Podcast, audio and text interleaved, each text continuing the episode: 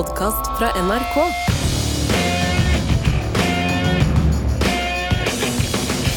Å, fy flate. Velkommen til Trygdekontoret.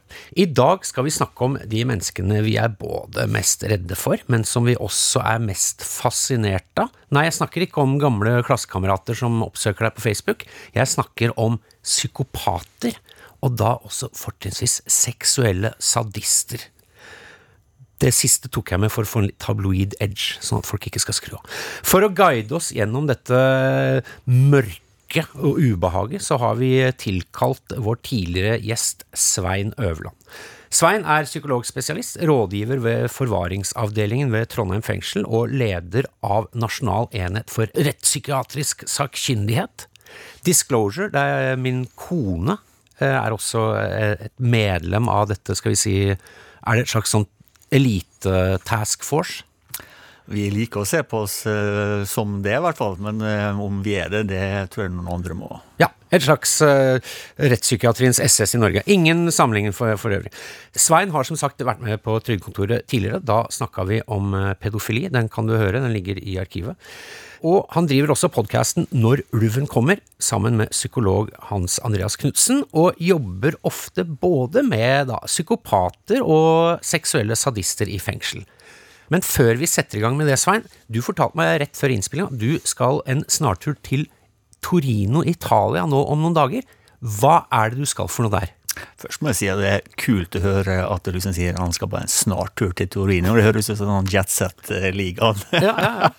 Men ja, det stemmer det. stemmer eh, økonomiske elite. Ja. Ja, det kan du si. Eh, ja, jeg har fått et stipend, da. Eh, men eh, Italia, vet du. Backtrack backtracker liksom 1830-1850 og bortover. Det var liksom eh, høyborgen eh, fra forskning da, på forbryterens sjel og, og de gale, da. De sinnssyke.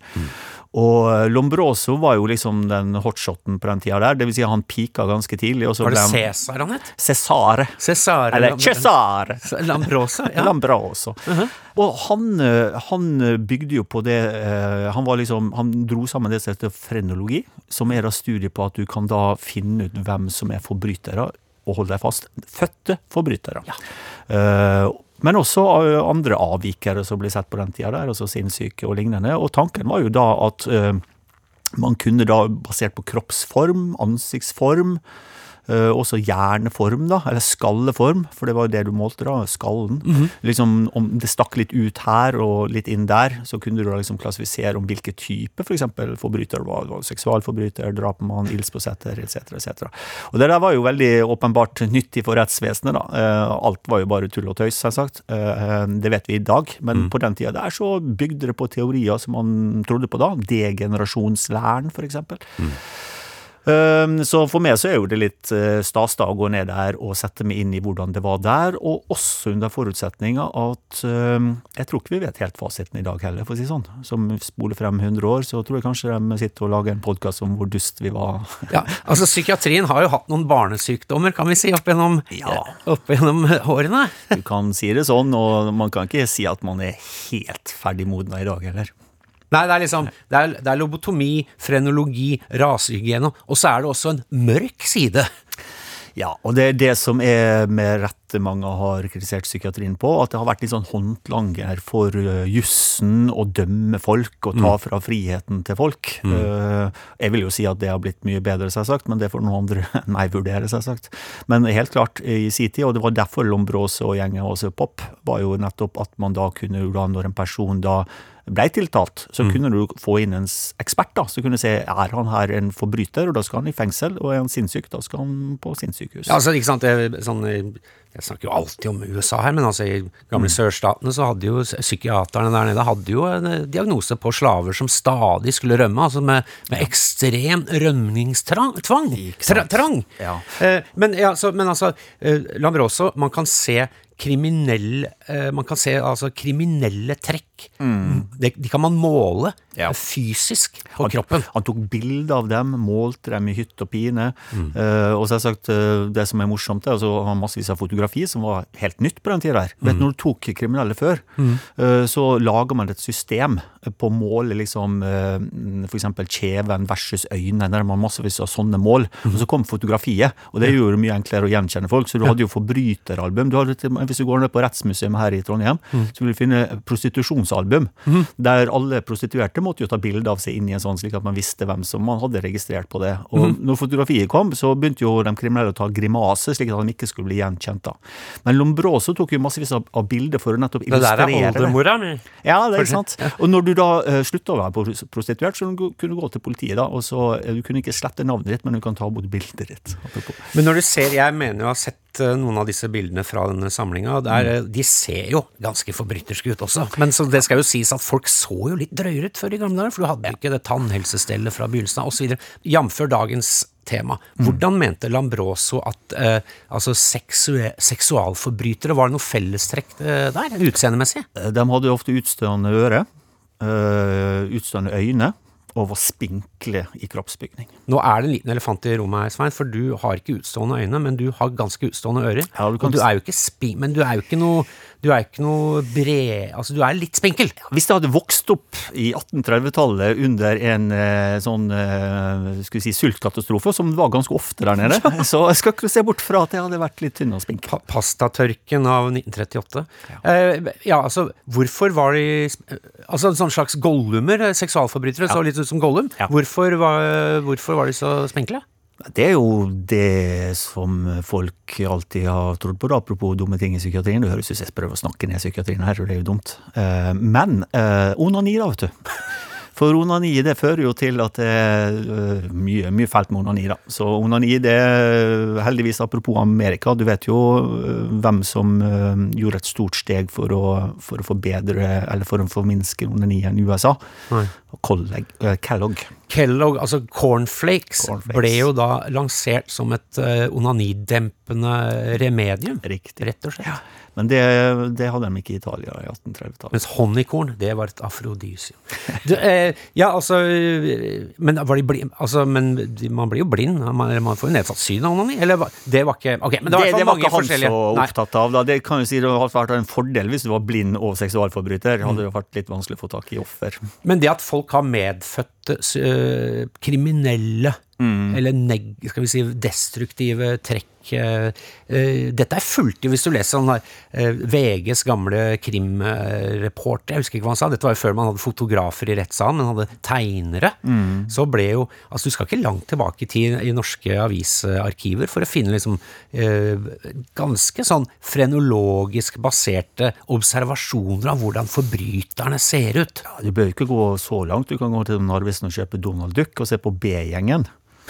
De er halvbarbert, eller skal ikke si Ja. hvem av dem i, Nå er her i rommet. i rommet. Ja, jeg skjønner. Ja, eh, og, og med, med store fremstående kjever var typisk noe som Lombroso så da, som du ser B-gjengen ofte har da. Ja.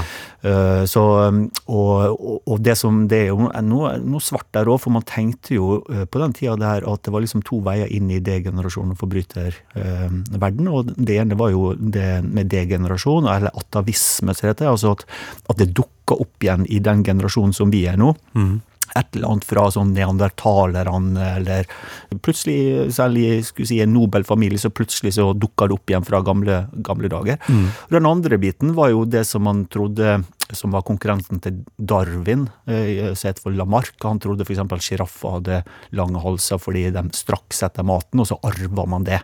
Ja. Og det også tenkte man at hvis du hadde dårlig oppdragelse eller dårlige betingelser, eller et, et eller annet, så kunne du da utvikle da en forbrytersk tankegang, og det kunne gå i arv til neste generasjon. Så Sånn sett så var de veldig redd for at menneskeheten skulle forvitre, med at alle disse her atavistiske genene fra før skulle ta mer og mer over. Og det ligger jo grunnen til, når senere Hitler og sånn kommer, da. Vi må jo renske ut det for å beskytte samfunnet, blant annet. da. Og den som er selvsagt medfødt forbrytersk, den går jo ikke an å gjøre noe med, så den må vi bare stenge inne. Ikke sant? Og både også rasehygien på begge sider av politiske spekter. Altså Ja, både Hitler, klart. Men også litt sånn uh, Alva og Gunnar Myrdal som liksom skal renske, skape en ren og edel arbeiderklasse ved å sterilisere folk, blant annet. Veldig mange trodde på det blant Ja. vitenskapsmenn på den tida, tida der. Til dagens tema, apropos psykopati. Først, helt først, hva betyr, uh, hva vil si å være en psykopat? Å være psykopat er jo en person som er ekstremt hensynsløs. Altså at Han tenker, han forstår at andre folk har det vondt, men han tenker liksom det spiller ingen rolle så lenge jeg har det bra. Mm. Og da er du øh, Selvsagt, det, det, er jo mange som, som har, for så vidt, men dette er en ekstrem form som er en del av personligheten, som debuterer veldig tidlig. Du ser det ofte hos barn veldig tidlig. Nå må jeg si at De fleste barn er jo veldig mye hensynsløse, selvsagt, men de vokser av seg og gjennom oppdragelse. Men folk med psykopati vil jo vedvare på det. Og I tillegg så har de ofte en del andre trekk, f.eks. at de er sjarmerende og, og slik. At de kan være, fremstå ganske hyggelig, i hvert fall i begynnelsen. Manipulerende, Det å skulle manipulere noen er da også en, en måte å få eh, altså være hensynsløs på, eller få vilja si, ja, på bekostning av andre. Eh, riktig. Så de benytter det da, eh, for å nettopp til sitt eget beste, da, i forhold til, eh, istedenfor å bruke det på en positiv måte. Da. Mm. Mm. Eh, Sosiopati er et begrep som har dukka opp sånn, eh, føler jeg i hvert fall i min levetid. holdt jeg på å si. Hva, hva, er, hva er forskjell på en sosiopat og en psykopat? Det er det samme. Eh, men eh, sosiopater brukes litt i populær uh, media, sånn som psykopater, der man tenker at årsaken er på en måte det kalde samfunnet. Mm. Eh, og kanskje litt mer sånn eh, vellykka eh, psykopater. Men hvis vi skal, Det er mer som folketalen og populærvitenskapelig, men i, eh, i, si, i, den vitenskapelige delen av psykologien så, så er psykopati det, det, er mer en klassifisering av forskjellige egenskaper. Vi bruker ikke sosiopati som sådan særlig. Eh, når vi snakker om psykopati, da snakker vi altså om det vi kaller for person, personlighetsforstyrrelse. Mm. Hva er, er, det, er det det samme som en lidelse eller en sykdom?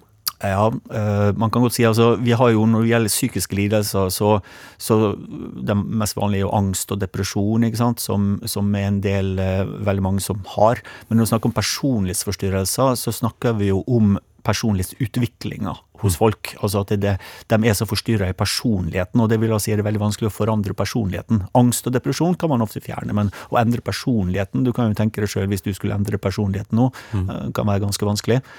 Eh, så eh, når vi snakker om personlighetsforstyrrelse, så er jo det nettopp en, en der du ser allerede fra tenåra at man, man, får en veldig avvik på den utviklinga. Eh, veldig ofte negativ grad. Og så har vi elleve forskjellige typer personlighetsforstyrrelser. Vi har jo Um, noen har f.eks. hørt om emosjonell ustabil personlighetsforstyrrelse. Borderline kalte vi ofte det før. Og så ja. uh, har du også f.eks. engstelig personlighetsforstyrrelse, der mm. du har det i personligheten din. Og så har du da dyssosial. Og i dyssosial personlighetsforstyrrelse så har du da en særlig uh, vanskelig variant av den gruppa som vi kaller for psykopati. Oh ja, så det er en undergruppe av dyssosial. Ja. Du, du, var inne på en, en, det man tidligere kalte borderline. Det er jo ganske interessant. For jeg, jeg har alltid tenkt borderline betyr at jeg er, på nippet til å bli gæren. Mm, det men var... det er noe annet. Det handler om hvordan eh, Forklar hva det er. Ja, men du er ikke så gærent ute, ser du. For da det ble introdusert opprinnelig, så var det en slags mellomtilstand mellom det vi kalte for en nevrose og en psykose. Så det var sånn på, på, på grensa, som du sier. Eh, borderline opp mot. Mens i dag betegner emosjonell ustabil personlighetsforstyrrelse personer som skifter i humøret veldig mye, f.eks. i samme dag. Mm. Som klassifiserer folk veldig sånn enten er du med meg, eller så er du mot meg.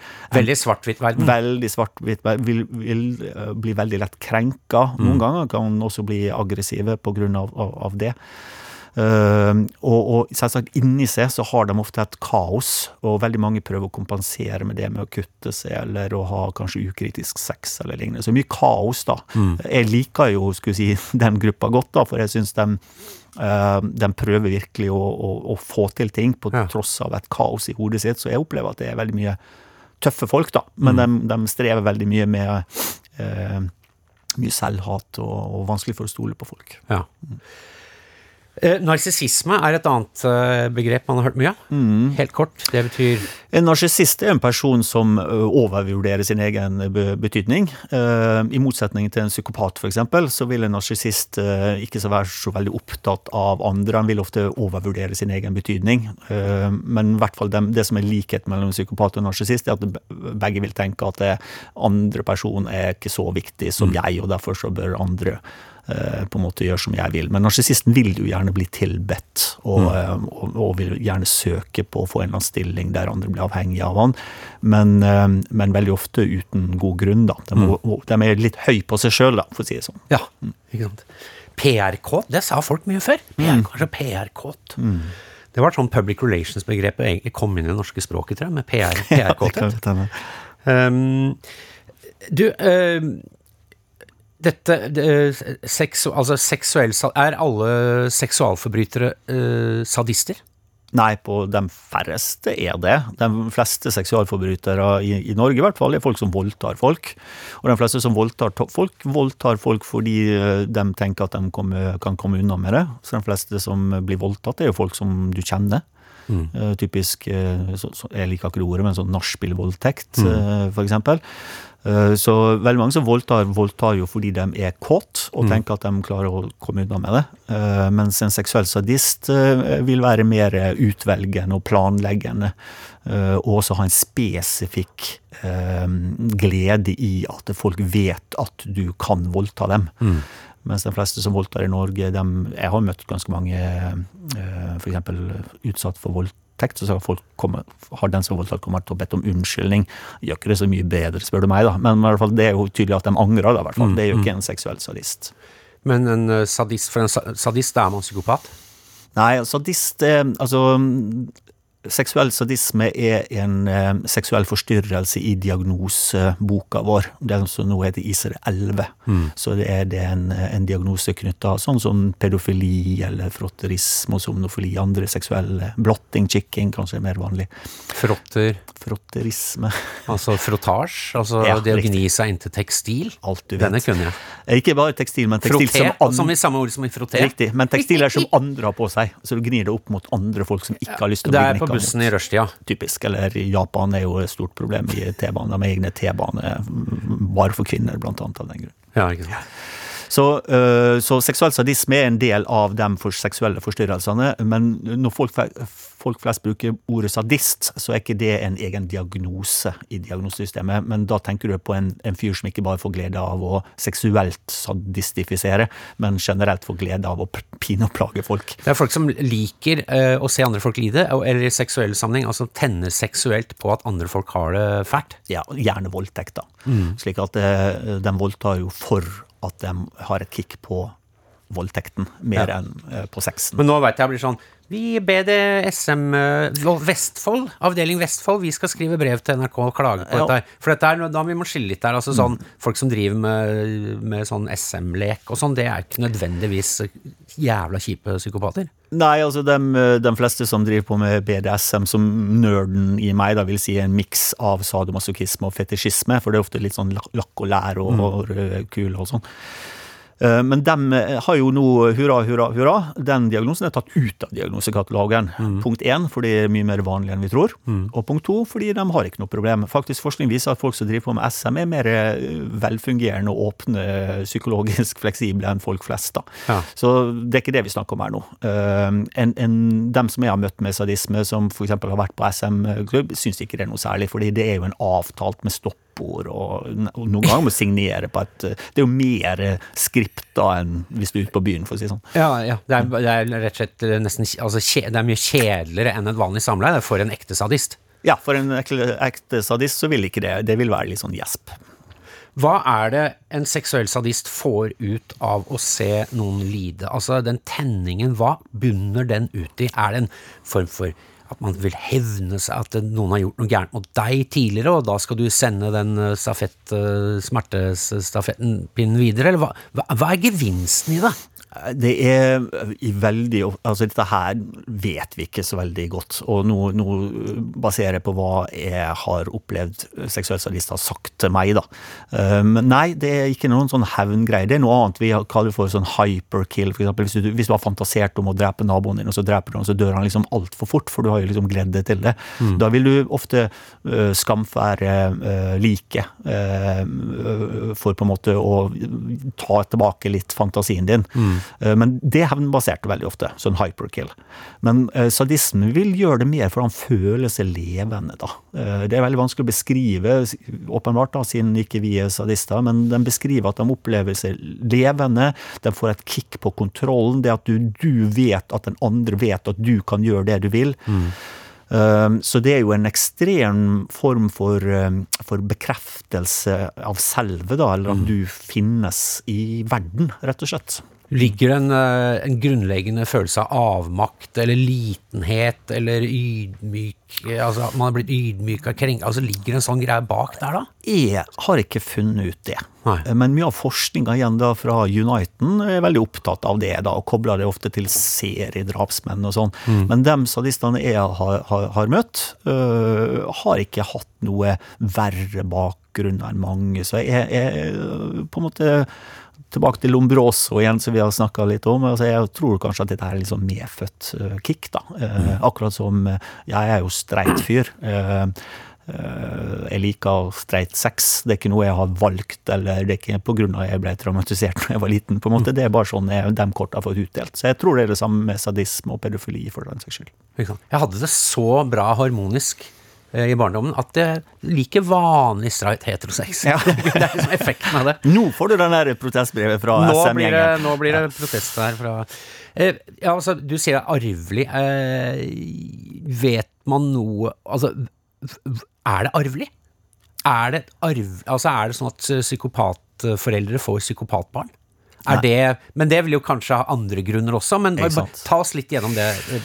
Nei, altså, altså her må vi bare si vi vet ikke det, da. Men øh, tanken er jo at det, hvis du ikke finner noen traumer, eller at det er noe spesielt i miljøet som skiller dem fra andre, så er det liksom arv du sitter igjen med. Det er liksom det første argumentet. da. Og så finnes det noen ø, tvillingstudier som viser at hvis du først har en tvillingbror som er psykopat, så har du det òg. Men du kan også bli psykopat, og for så vidt også ø, pedofil og mange andre ting, med å ha en vanskelig barndom. Men igjen, vi må huske her at det finnes veldig mange folk som har hatt en fryktelig dårlig barndom, og nettopp av den grunn tenker sånn skal ikke jeg bli. Så jeg har gitt opp den der biten her, og det har egentlig ikke så veldig mye relevans heller.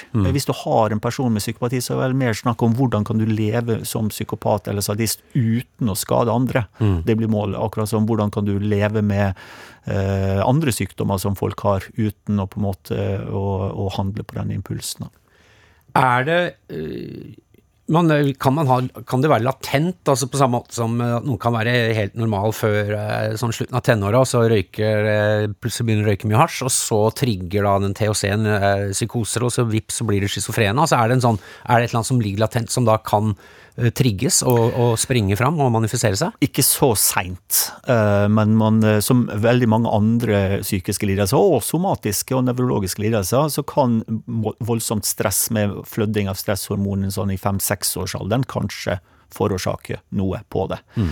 Men, Det vil si eh, barndomstraume. ja, men du, du blir ikke plutselig psykopat fordi du ruser på amfetamin som eh, 18-åring, men det, du kan bli psykotisk av det. Men de fleste som er psykos, eh, psykotisk, har jo ikke psykopati eller sadisme. Jeg tror ganske mange eh, forveksler det å ha psykotisk og være psykopat, men Ja, øh, det, det er et problem, faktisk. Ja. Og veldig ofte når jeg er i retten, så må jeg si det. At psykopat og, og, og psykotisk er noe forskjellig. Og, og kidsa også begynner å surre med det der. Ja. Og sier liksom sånn du er psykotisk og psykopat og alt det. På en måte, det, det er bare en betegnelse for en fyr som er, Som er gæren. liksom gæren. Clinus gernus, Ja. altså den latinske Ja. Ja. Man hører jo ofte, spesielt i sånn serier, sånn uh, Nattsvermeren og sånn, altså man, man hører jo ofte at psykopater uh, som barn så driver de og plager dyr og altså, hvor, Mm. Stemmer det? Altså, kan man se tidlige tegn på det? Ja, veldig mange, særlig med sadisme, så kan du gjøre det. Ikke så mye med psykopati, men også da fordi det som, altså igjen da, Psykopaten han mangler jo den empatien og den innlevelsen av folk andre har. Sadisten har ofte innlevelsen, men han, han, han, vil, han bryr ikke seg om, om det fordi den gleden er så mye større.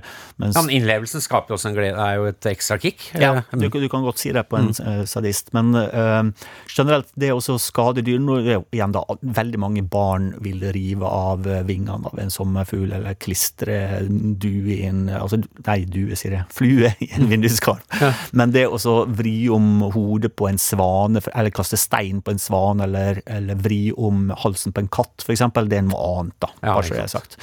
Um, så, så, det ser du ofte, uh, eller det er en økt forekomst av det i psykopati og sadisme, og så har man særlig vært opptatt av det med seriedrapsmenn, at uh, drap på dyr, f.eks.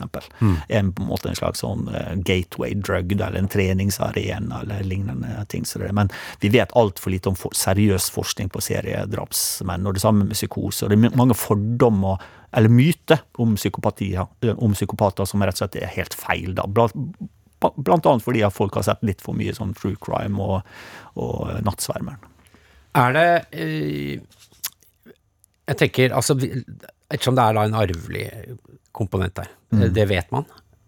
Så, så, mye man kan si at du vet i psykiatrien, mm, som mm. sagt. Det blir mye en resonnering siden man ikke finner noe miljø. da.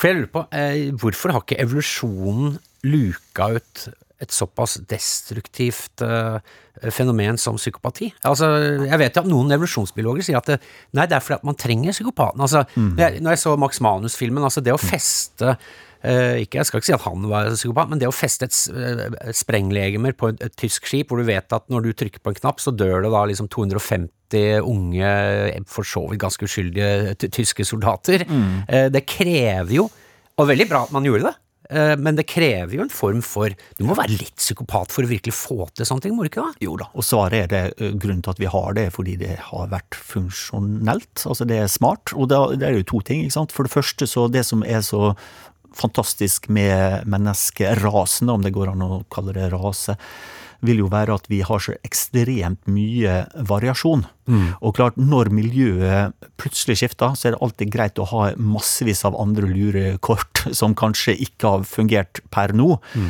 men som kan fungere bra. F.eks. i en sånn zombie-apokalypse eller noen sånne ting, så kan man tenke seg at eh, psykopati vil være ganske kult. Jeg er jo en av dem fan av Walking Dead, som, mm -hmm. der, der, så jo man det at etter hvert at de skumle folka var jo menneskene. Zombiene var relativt lette å forholde seg til. Men den luringen, øh, psykopaten, ja. Øh, de klarte seg mye bedre ofte enn de snille og, og greie. Og mm. nå er jeg fullt klar over at Walking Dead bare er en fiksjon, mm. men, men allikevel, hvis du har en stor bredde, mm. og i tillegg eh, i en krisesituasjon der det er mangel på midler, der man må på en måte albue seg frem. Mm. Det er ikke verre enn å gå og se når et fly blir innstilt på Gardermoen, se hvem er det som faktisk kommer seg på flyet. Mm. Det er ikke dem som tenker som så at det er nei, nei, de tenker sikkert på meg til slutt. Det er dem, ja. dem som ligner på deg og meg. Det er dem som, som hjelper seg, hjelper seg sjøl? Ja. Hei, hei, jeg har diamantkort. Ja. Uh, ja. Det Uh, ja, apropos det. Amerika er jo seriemordernes og true crimens hjemland. Og, mm. altså, men noen, noen jo, mener jo at en, en høyere del, andel av, uh, av amerikanere har psykopatiske trekk, fordi man som man måtte ha det for å liksom bryte opp fra husmannsplassen på, på, i Ryfylke eller mm. eh, liksom storgården i Polen, mm. og krysse havet, altså gjøre farlige ting. Mm. Som var jo veldig farlig å emigrere til Amerika, og så komme seg til New York, og så liksom kjempe seg gjennom bushen, og så ut på prærien. Altså, at det at det kan prege et helt, en nasjon? Tror du, tror du, det er noe i det? Nei, det tror jeg ikke, men det er langt utover mitt uh, felt. Men jeg vil jo tro heller at der vil det å Hvis du klarer å emigrere sammen med, med familien din, eller sammen med en liten gruppe Hvis du da kommer i land da, mm. i USA, og du klarer faktisk å få noen folk rundt deg som får tillit til deg, og du har tillit til å bygge opp tillit, så vil du lettere da klare å emigrere på andre sida av USA. Men jeg vet for lite om det. Kanskje du bare omgjør å overleve reisen, jeg vet ikke. Men mm. det er litt sånn skummelt å tenke, for da kan vi tenke at det er alle dem som nå kommer og overlever reise fra fattige og krigsramma, at det er en spesiell selektert gruppe. Det tror jeg nok. Mm. Men jeg tror ikke det er flere psykopater der. Men Nei. at det er selektert, det tror jeg nok. Mm. mm. At de er rikere, blant annet, eller mer målbevisste, eller noe sånt. Men mm. at de har mindre empati, det tviler jeg sterkt på. Apropos det med, med, med psykopater, da, det, det, apropos sånn, de blir ofte framstilt som smartere enn ja, andre. Ja, det var det jeg skulle fram til. Ja, og det er de ikke, da. Bare så det er sagt. De er ikke, de er ikke Hannibal Lecters uh, Nei. Det er, ikke, det er, ikke, Hannibal Lecter som er liksom typ, Det er ikke typiske gjennomsnittspsykopaten. Er ikke da uh, gal, men også uh, prisbelønt uh, lege. Eller patentlig. Nei. Uh, det er sånn, for det er sånn morsomt da med media, de sier at den er basert på a true story. Ja, den er basert på det, uh, men han var schizofren og ble psykopat, og han var dårlig med hygiene, og han ble fremstilt som patentlig, så han er basert på en true story, ja. Ja. Men vel loosely based. Loosely based, ja. Ja, så Ja, flest, hvem- fleste er ikke pertentlig, eh, bare så det er sagt da. Men nå må det vites at det vi vet om forskning, det er jo ikke akkurat du går jo ikke ut på gata og sier hei, vi trenger ti psykopater, rekk opp hånda vennligst, og så kommer de inn og er med på et forskningsprosjekt. Så mye av det vi vet, er jo av dem som er tatt, Ja. og som sitter i fengsel. Så det kan jo hende det er på en måte ikke så representativ eh, gruppe, da. Det kan hende det er noen der ute som vi kaller ofte i mitt felt av vellykka psykopater. Og de blir jo ikke tatt. Ikke sant. Og dem kan hende er annerledes enn dem som sitter i fengsel. Egentlig ganske rimelig å tro. Mm. Du sa altså ja, når man skal forske på dette her, så er jo det litt vanskelig. Men man kan faktisk eh, Det fins en test. Eh, Jeg leste en veldig interessant bok av en som heter John Ronson, som heter The Psychopath Test. Mm. Og han, den tittelen der hadde henspeil på noe som heter The Hair Test. Hva, er- hva, er- hva er det den går ut på? Uh, Psychopathic Checklist heter den, utvikla av han fyren da, som heter for Hair, da. Robert Hair. L- Lever fremdeles. Um, den, nei, den eh, viser jo da hvilke da egenskaper du skal se etter. For du kan liksom ikke bare stille opp folk og så bare synse rundt hvordan en person er. Så du vil da måle da forskjellig, for. Måle skallen, si. ja, det, så, så det du måler er jo f.eks. har du blitt dømt før? Um, har du hatt uh, atferdsproblemer i ungdommen? Um, blir, har du um, lurt mange folk? Altså, så du har da sånne 20 punkt. Og den testen det viste, da, at hvis du da har, har over 30 på en sånn score, der du får, kan få maks to poeng per, per ledd, da. og det er 20 ledd, så kan man si at da Og det viser faktisk forskning at det den, den, en sånn score, høy score på den, eh, der kan du da kan ofte predikere f.eks. vold og kriminalitet frem, fremover. Altså Folk som har høy score på det, hvis du da måler dem igjen fem år etterpå, så vil flere da ha vært blitt dømt for noe enn folk som har under den cutoffen. Er spørsmålet er du psykopat en del av det, den testen? Nei, og, og da, men det kunne jo vært det. Og hvis du da svarer nei, så blir det ja. Og hvis du svarer nei Ja, det Catch 22. Ja, Nei da, det er ikke det. Dette her er en, en vurdering av, eh, av data rundt. Så veldig ofte så spør ikke du folk i det hele tatt. Eller det vil jo være etisk riktig å spørre folk, da. Jeg, jeg møter jo folk, psykopater, ganske ofte, så hver gang jeg gjør en risikovurdering, så vil jeg be dem også lese gjennom min vurdering, slik at de får muligheten til å kjefte på meg, og, men også påpeke hvis jeg har sagt noe feil, da. Så det vil være etisk riktig, vil nå jeg si, da. Men eh, kriterier er eh, altså eh, målbare kriterier. Du er ikke basert på hva en fyr sier. Eh, men det finnes også sånne sjekka, eh, sjekklister, f.eks. hvis vi snakker om seksuell sadisme. Da vil, vil du få typisk en sånn type spørreskjema, da eh, får du kick på det. Mm. Men seksuell sadist er overraskende ærlig, da, og det er psykopater. Jeg har møtt veldig mange psykopater som, som for eksempel eh, som kommer til meg, og så begynner de å fortelle om en sånn trist barndom, for å, åpenbart for å påvirke meg. Og det må jeg si, det ville jeg òg gjort hvis jeg hadde blitt, vært i den situasjonen. Men det er en strategi. Det er en strategi. Og så når jeg da sier at jeg kan vi være snill bare spole forbi her, eh, jeg kommer ikke til å tro på det likevel, eh, så sier de ok, det var verdt forsøket, let's move on, på en måte. Så de er veldig, veldig ofte ærlige, da, hvis du call their bluff, da, for å si det sånn. Eh, vet psykopater selv at de er psykopater? Ja, det gjør de. De forstår det i hvert fall etter hvert, så de blir sånn De fleste vil ofte si det at de, de forstår det sånn i 13-14-15 års alder, når de ser det at det folk begynner å beskrive sånn dårlig samvittighet, eller at det er vanskelig for folk å stjele eller lure folk, og så merker de at de ikke har den på en måte reaksjonen sjøl. Ja. Og, og det ser de egentlig ikke på noe sånn som gærent. Og så etter hvert, når du forstår litt mer og kanskje blir litt eldre, og ser det at eh, ja, du er veldig god til å få venner, men det er ingen som vil være sammen med deg når de blir kjent med deg, eller mm.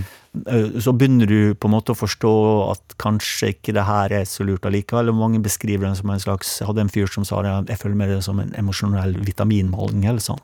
Altså det er et eller annet som mangler, men jeg vet ikke helt hva. Ja. Og det er den der, eh, disse dypere følelsene. eh, Og veldig mange opplever det som positivt i begynnelsen, fordi veldig mange psykopater har ikke så sterke følelser. Nei. De blir liksom ikke ordentlig glad heller. Og de blir ikke ordentlig redd heller, for den saks skyld, men altså de er litt mer nøytrale i stemningsleie. da.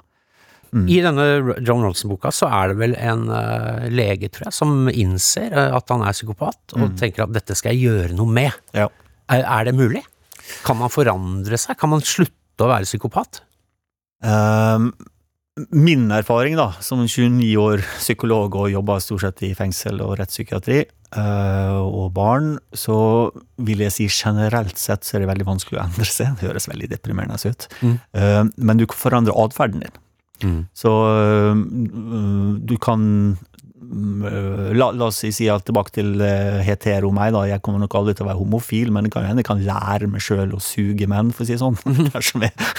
Så atferden kan jo endre, men vil ikke ha noe glede av det, for å si det sånn. Så øh, det tilsvarende med psykopati og sånn, så vil jeg si at det er den tilgrunnliggende følelsen, det kan ikke du gjøre så veldig mye med, men du kan jo lære deg sjøl og minne deg sjøl på at det kan være lurt å så følge opp venner litt bedre og, og, og, og den type ting. Men jeg tror ikke psykopatien er så mye endring. Men det er folk som er uenige med meg, bare så det er sagt. Ehm, men ikke veldig mange. Eh, Ronson beskriver jo også litt sånn, sånn historien, eh, historisk gjennomgang av, av hvordan man har prøvd å kurere psykopati, blant annet med litt sånn eksperimentelle greier i Canada på 70-tallet, hvor de, man satte masse psykopater fra, fra et fengsel antageligvis, mm. nakne i sånn ba, bad sammen, de skulle drive og nakenbade, og så var det noe LSD inne i bildet, og det var sånn, jeg skjønte, man skjønner jo tidlig at en ekte en psykopat ville synes at dette, dette er veldig, veldig morsomt. Ja, og særlig å putte dem i gruppeterapi, da. Ja. Og gjerne med en naiv psykolog. Ja. Da, da vil jo veldig mange psykopater for det første kose seg veldig, mm. men for det andre også da plukke opp en del eh, begreper og manerismer som kan være greit å utnytte. eh, utvide manipulasjonsverktøykassa. Det er jo det man ser i Etter hvert i The Sopranos så ser du jo at hun eh, Melfi, eh, psykiateren til Tony Soprano, hun skjønner etter hvert at Tony blir jo ikke noe bedre av å gå her. Tvert imot, han blir verre. Ja. Er det, er det, er det Blir de det? Ja, altså det, det finnes forskning som tyder på det, og tilsvarende også øh, eksempel hvis du skal vurdere en psykopat, da, så vil det være lurt å ha en av samme kjønn. Eh, Fordi den vil ofte bruke den seksuelle spenninga for å manipulere den som skal vurdere deg, om det er behandling eller vurdering. Så som andre ord, da, hvis du har en kvinnelig psykopat, da, så er ikke det jeg som bør vurdere om hun er psykopat eller ta henne behandling, mm. for å si det sånn. Så, men, men igjen de, de aller fleste vil dessverre da si at det er veldig vanskelig å endre en psykopat. Mm. Jeg vil si generelt at det er veldig vanskelig å forandre personligheten til ethvert menneske, bare så det er sagt. Men også at uh, behandling kan gjøre dem verre, hvis ikke du tenker gjennom helt konkret hva du, hva du gjør. da.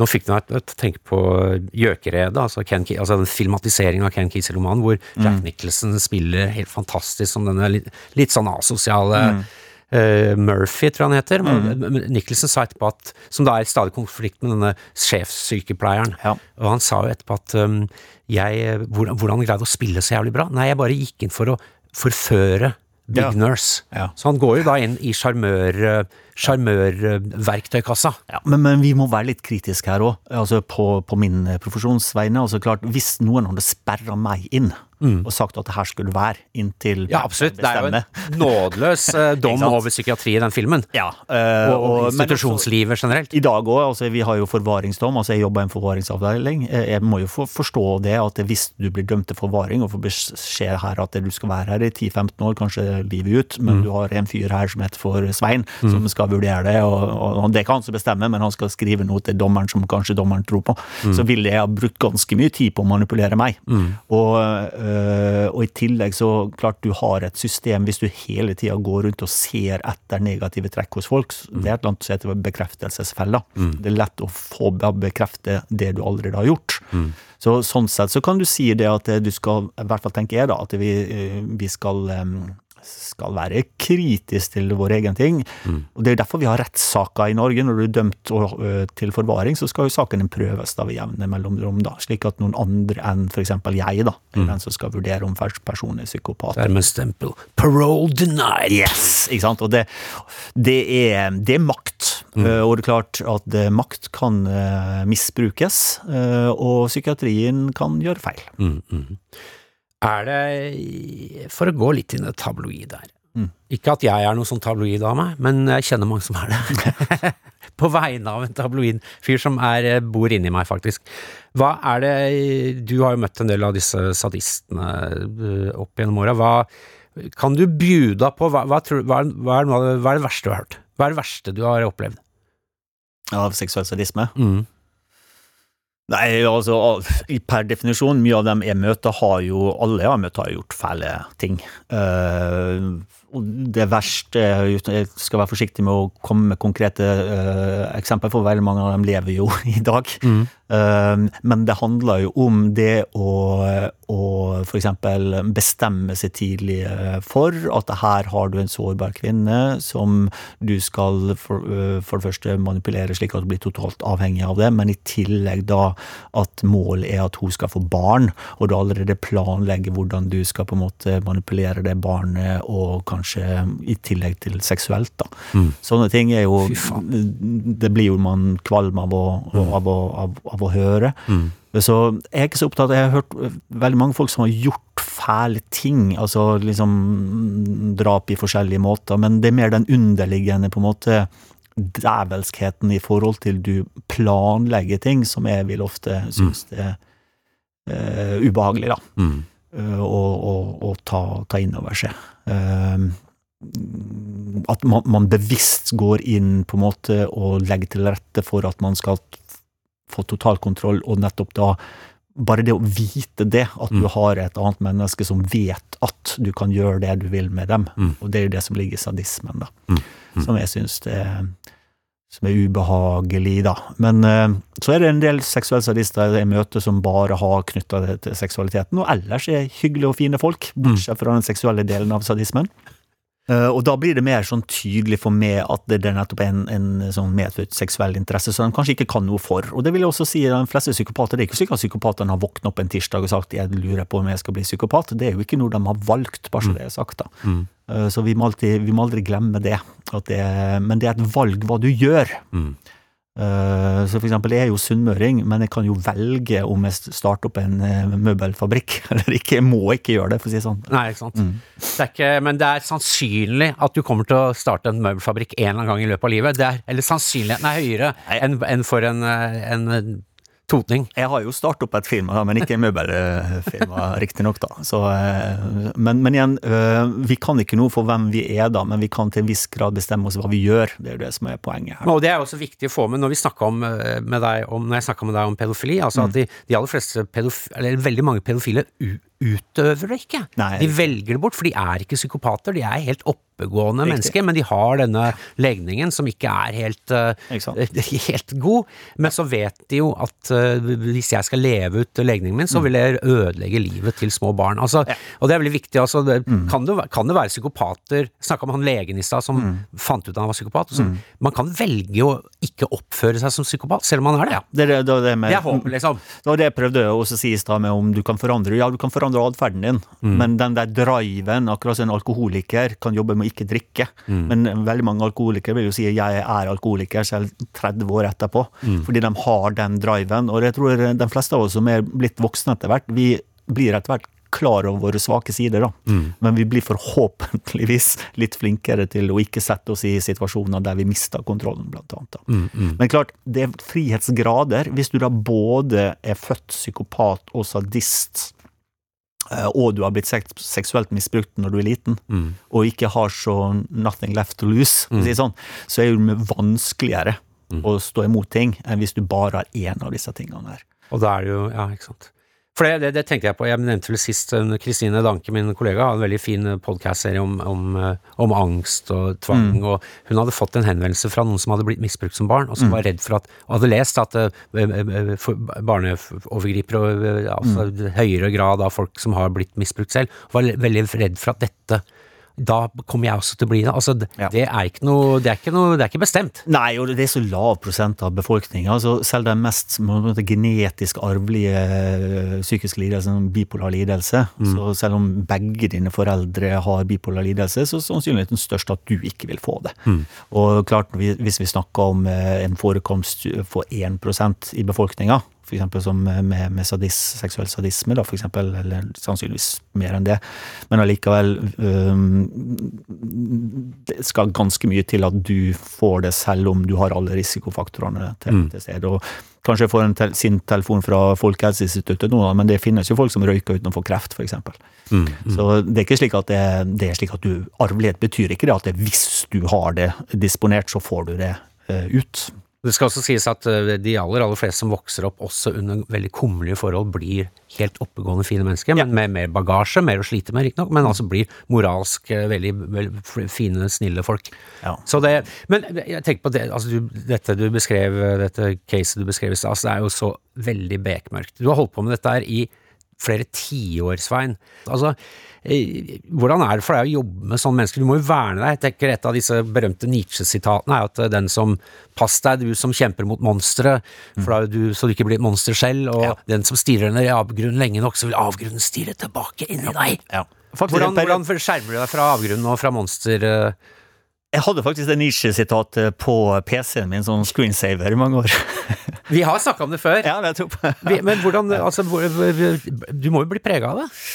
Ja, jeg, opplever ikke det, men nå, før jeg begynte med her, så hadde jeg veldig liksom, pessimistisk eh, livssyn og hadde ikke så stor tro på menneskeheten fra før, da. Så kanskje det er liksom sånn eh, set values-utgangspunktet mitt. Men eh, jeg prøver jo å ha et liv der jeg For det første så, så, så, så, så tror jeg det hjelper med at jeg tenker sånn at dette, her, dette her er ikke folk som har valgt det sjøl. Altså det vi, I filosofien så bruker de ordet ondskap. Jeg vil ikke si at dette her er onde folk, fordi det er ikke slik at de har faktisk tatt et valg. Um, Det er noe de har fått utdelt uh, flere kort. Og jeg, jeg møter jo Jeg tenker i en annen uh, versjon av livet mitt. Hvis det hadde gått til venstre istedenfor til høyre en eller annen gang, så hadde jeg kanskje jeg vært i en situasjon der jeg hadde sittet i fengsel. Det tenker jeg genuint. Uh, Altså, vi får alle sammen utdelt noen kort. Og noen får bedre kort enn andre. Og per nå så har jeg på en måte vunnet flere omganger i det kortspillet da enn dem som jeg møter på andre sida av muren, for, for eksempel. Så det er et syn som jeg tror kanskje hjelper meg litt. Og så trener jo jeg, da, og mediterer og tar tran og har snille mennesker rundt meg og et godt ekteskap og en snill eh, datter. Så, så, sånne ting, Å være litt obs på eh, sånne ting tror jeg er veldig viktig. Men det som jeg vet har påvirka meg, er at jeg blir mindre og mindre sosial. Så jeg, jeg er ikke sammen med folk på fritida hvis de ikke det? hvis ikke må. Sånn, jeg overdriver litt nå, da. Men, eh, men, men det kjenner jeg. Men jeg var ikke veldig sosial i utgangspunktet heller. Kan du se, kan du gjenkjenne psykopatiske trekk hos folk i sosiale sammenhenger? Jeg tror det, men jeg vet jo ikke det, for jeg får jo ikke fasiten. så jeg kan ikke gå etterpå og si hei, hei, jeg tror du er psykopat, og så kan du ringe meg om fem år for å Men jeg, man, man får en sånn feeling på det. det jeg tror det er hun Ragde også sier at du kjenner det på lukta, på en måte. Ja. Jeg vet ikke om det er en jeg vet ikke om det er en spesifikk lukt, men du liksom kjenner det her oppe i, eh, i området med eh, vet ikke hva det heter, men mellom øynene og, og, og øvre nesedelen, på en måte. Ja. Så jeg vet ikke om det er en lukt, men det er et eller annet som, eh, som gjør Men, men det, det kan jo det kan jo bare være et tegn på at det begynner å bli utbrent, og man ser et problem overalt. Ja, ja, Men eh, ja, jeg, jeg opplever det av og til, og, og da på en måte bare markerer jeg det, og så Eller altså bare make a note for myself, og så move on, liksom. Det er ikke den der Hugo Boss-deodoranten som veldig mange bruker. Kan være det. Kan den være det. nei, Ralph Lauren, nei, Polo. Polo. Det. Eh, um, Altså, det, som du, altså, jeg er helt enig med deg. Det er, det, er bitte, det er de små valgene som Mm. gjør at uh, Charles Bukowski skrev veldig fint om det. Altså, det er bitte små valg som gjør at noen havner på gata, og noen som ikke gjør det. Mm. Altså, det tror jeg veldig på. Uh, um, er det men altså, du, ble, du har jo endt opp i psykiatrien. Er det noen yrkesgrupper der, du, der det finnes flere psykopater enn uh, andre yrkesgrupper? Uh, altså det som, det som igjen tilbake til den forskninga, det er en sånn klassiker, men jeg har aldri sett noen ordentlig studie på det, så kan hende det er bare myte. Men det er jo typisk i finans. Uh, det er jo nærliggende å tro det, da, fordi det vil være et funksjonell egenskap å ha der. Eh, og da snakker jeg om finans her nå, så snakker jeg om en sånn big corporation og sånne ting, men, men jeg har aldri sett noen gode studier på det. Eh, men rent sånt uh, intuitivt så skulle man tro det. Uh, Ellers så vet jeg ikke om noen. Jeg tror det er ganske ganske likt, likt fordelt, men det vil jo være, i hvert fall dem som ikke blir tatt da, vil jo nettopp være i en situasjon der de faktisk har en maktsituasjon. Det Vil jo være, så hvis du først har psykopati, og du kommer deg opp til en maktsituasjon, der du kan definere hva som skal gjøres, eh, og folk er fullt klar over at du har full makt, slik at du får gjøre det du vil, så vil det i hvert fall være lettere å slippe unna med det, går vel an å si. Og jeg tenker på disse Cambridge-gjengen, de som var uh, disse toppspionene og toppagentene i britisk etterretning, som jo viste seg å være oberster i KGB, hele gjengen, ja. som da drev faktisk av, altså MI6, altså den avdelinga som skulle fange akkurat sånne som dem selv. Ja. Han er enig. Altså det er sånn at man da, Jeg tror det er altså Ja, og det tror jeg hvis jeg vil. Jeg nok hatt ansatt en psykopat for å ta psykopater, for å si det sånn. Ja, ja. Eh, men du må jo være ganske trygg på den psykopaten du ansetter. Si Men at psykopaten kan komme seg inn i stillinger hvor de liksom nettopp skal passe på psykopat...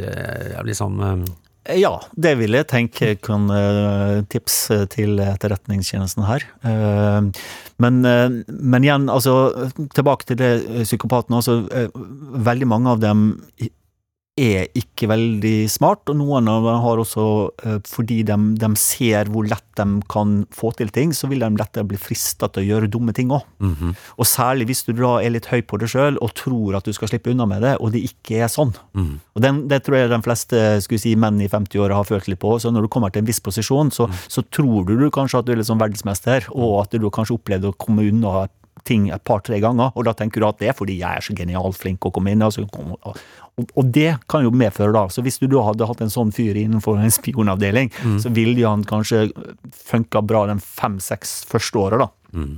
Og så gjorde en, en dramatisk feilvurdering. Så jeg ville ikke anbefalt psykopater i den businessen. Jeg ville ikke ansatt en psykopat uansett, da. Nei. Det er vel kanskje konklusjonen her, da. Nei. Det er populært å skrive bøker om at man er omgitt av idioter på jobb, men det finnes eh, verre ting, nemlig å være omgitt av folk med alvorlige lidelser når man ikke ikke har jobb. Jeg snakker selvsagt om trygdebeistet. Ja, hallo, Selters. Du, jeg har jo lest masse i VG og Dagbladet om sånn oppdager du om sjefen din er psykopat, og sånn oppdager du om bikkja di er psykopat, og sånn. Men altså, jeg har ikke lest det, for det er sånne plussartikler. Men altså, jeg har innebygd psykopatradar, jeg. Eh, altså, de i skranka på Nav, dem er jo psykopater. Politiet er psykopater. Han i baren på kinarestauranten på butikksenteret er psykopat. Fastlegen min er psykopat. Ekskona mi er psykopat. Eksdama mi er psykopat. Bror hennes er i hvert fall psykopat. Altså, for å si det sånn, jeg er vel omtrent den eneste i hele Viken fylke som ikke er psykopat.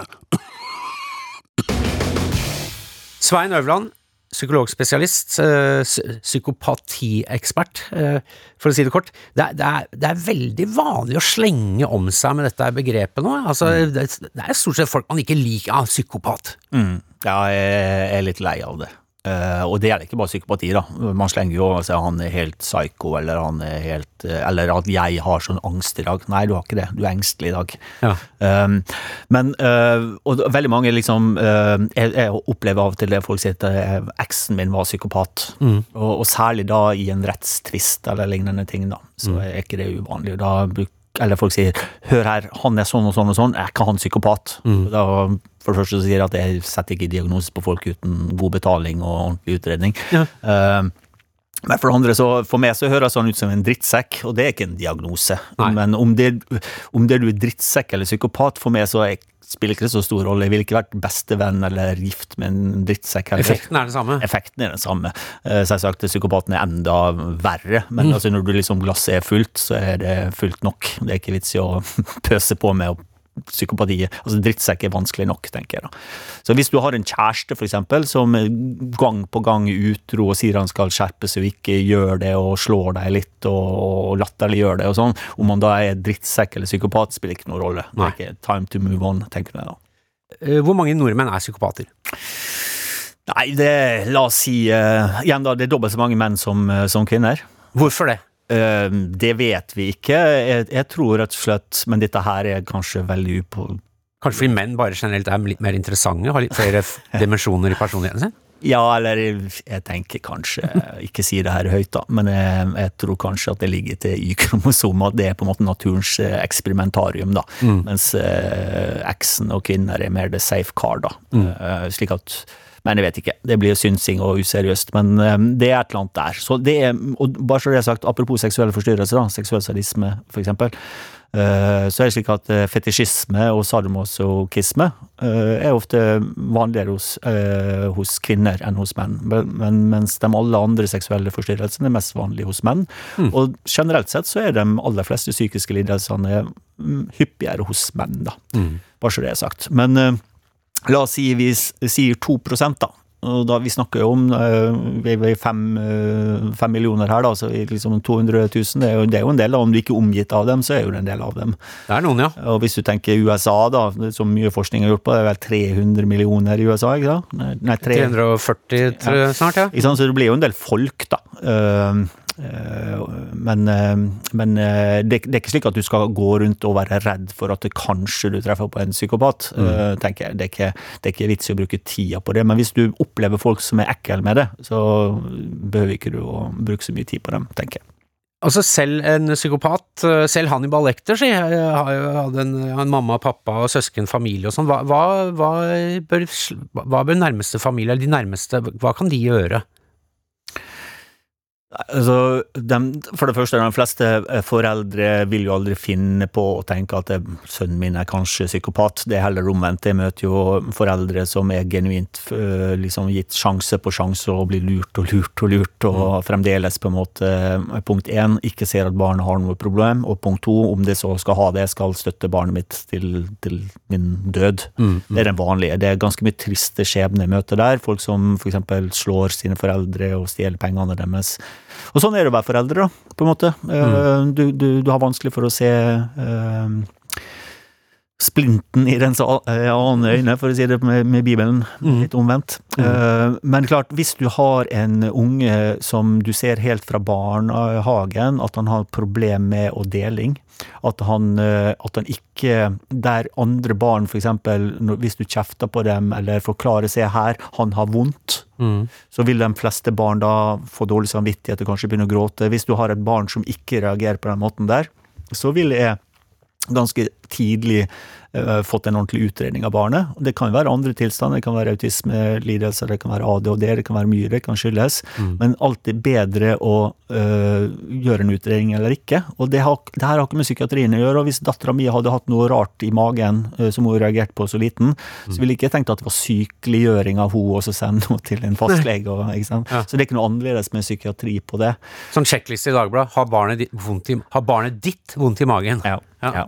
Nei, altså, men, men og, tatt det alvorlig og, og, fått noen proffe folk til å, å gi det uh, in, input på det. Fordi problemet med psykopati er at de, de ser ikke ut som de har noe særlig effekt da, av mm. oppdragelse, for å si det sånn. Mm. Eller de vil bare bli flinkere til å, til å skjule uh, når, de lyver og slår folk, så blir de bare flinkere til å ikke bli tatt i løgn og slått folk.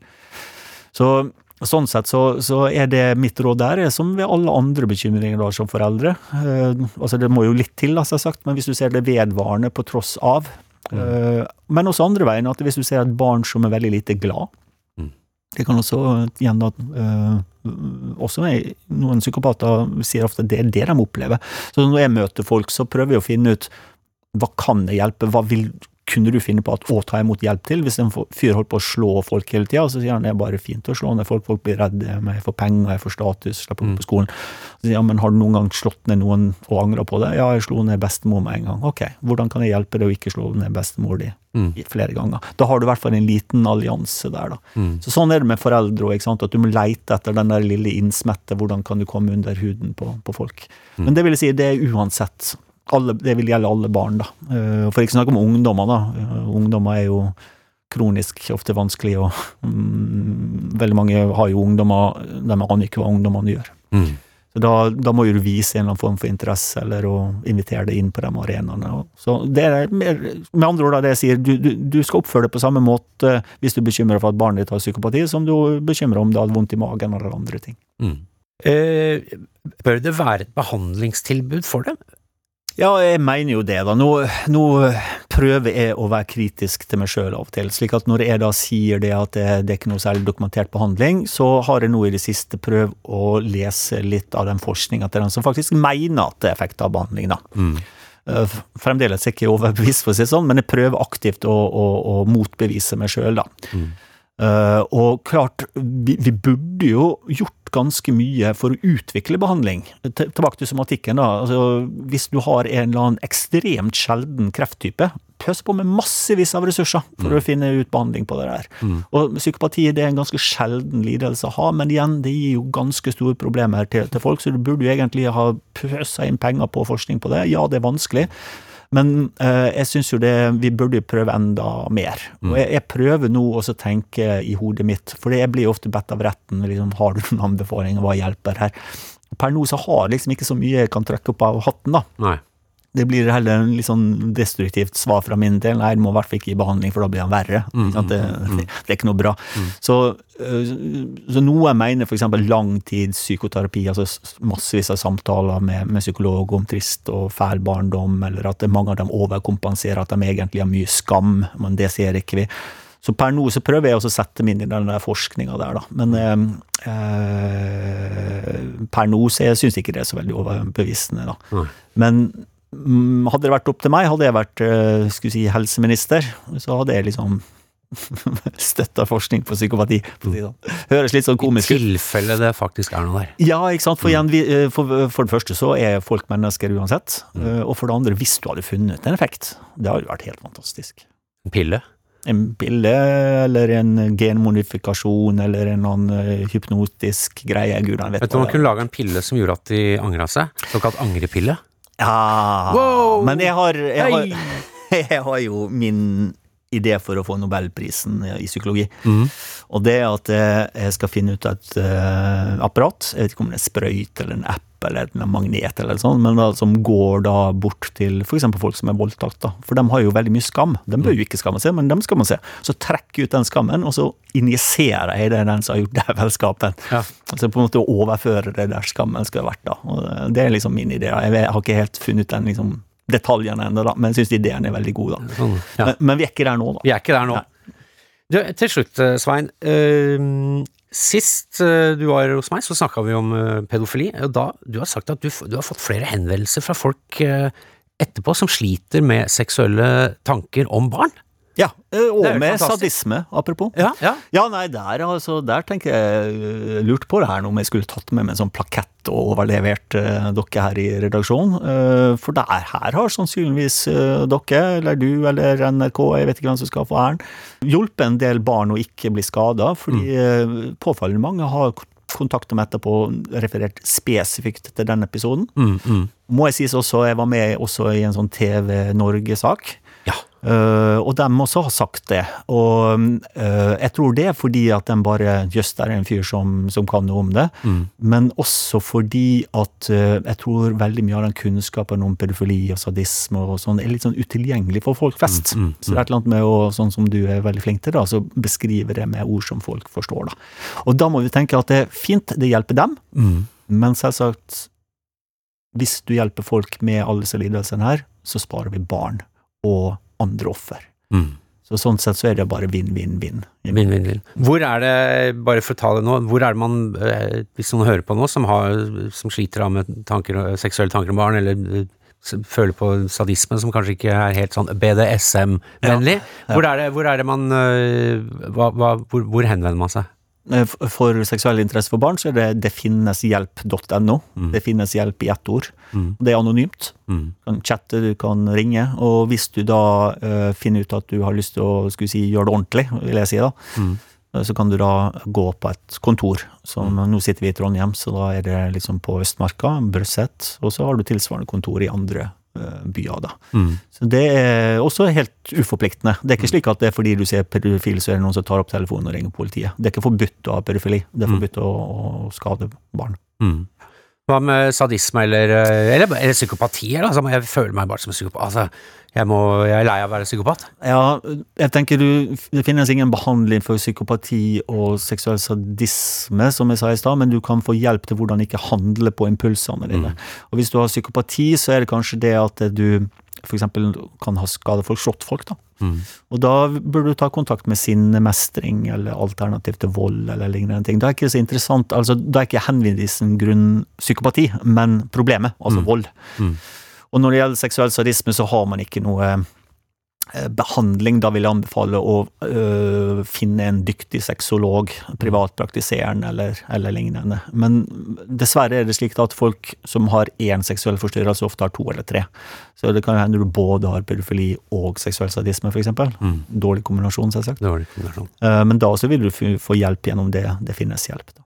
Svein Øverland, tusen takk for at du kom og bjød på din, eh, din, din kunnskap. Tusen takk til dere som hørte på. Tusen takk til de som har laget Trygdekontoret, altså Silje Martinsen Vettre, Marco Reinersen, og eh, liten takk til meg sjøl også, Thomas Selznick. Vi hørs neste uke. Stay trygda. En podkast fra NRK. Det du trenger, er en ukentlig humorpodkast som tar humor på alvor. og nyheter på enda alvorere. Vi gir deg det gøyeste om det siste, og det siste om det gøyeste. Det siste om det gøyeste. Det gir mening hvis du ikke tenker på det. Satire. Harselas. Drøyt, men innafor. Hør Desken brenner i appen NRK Radio.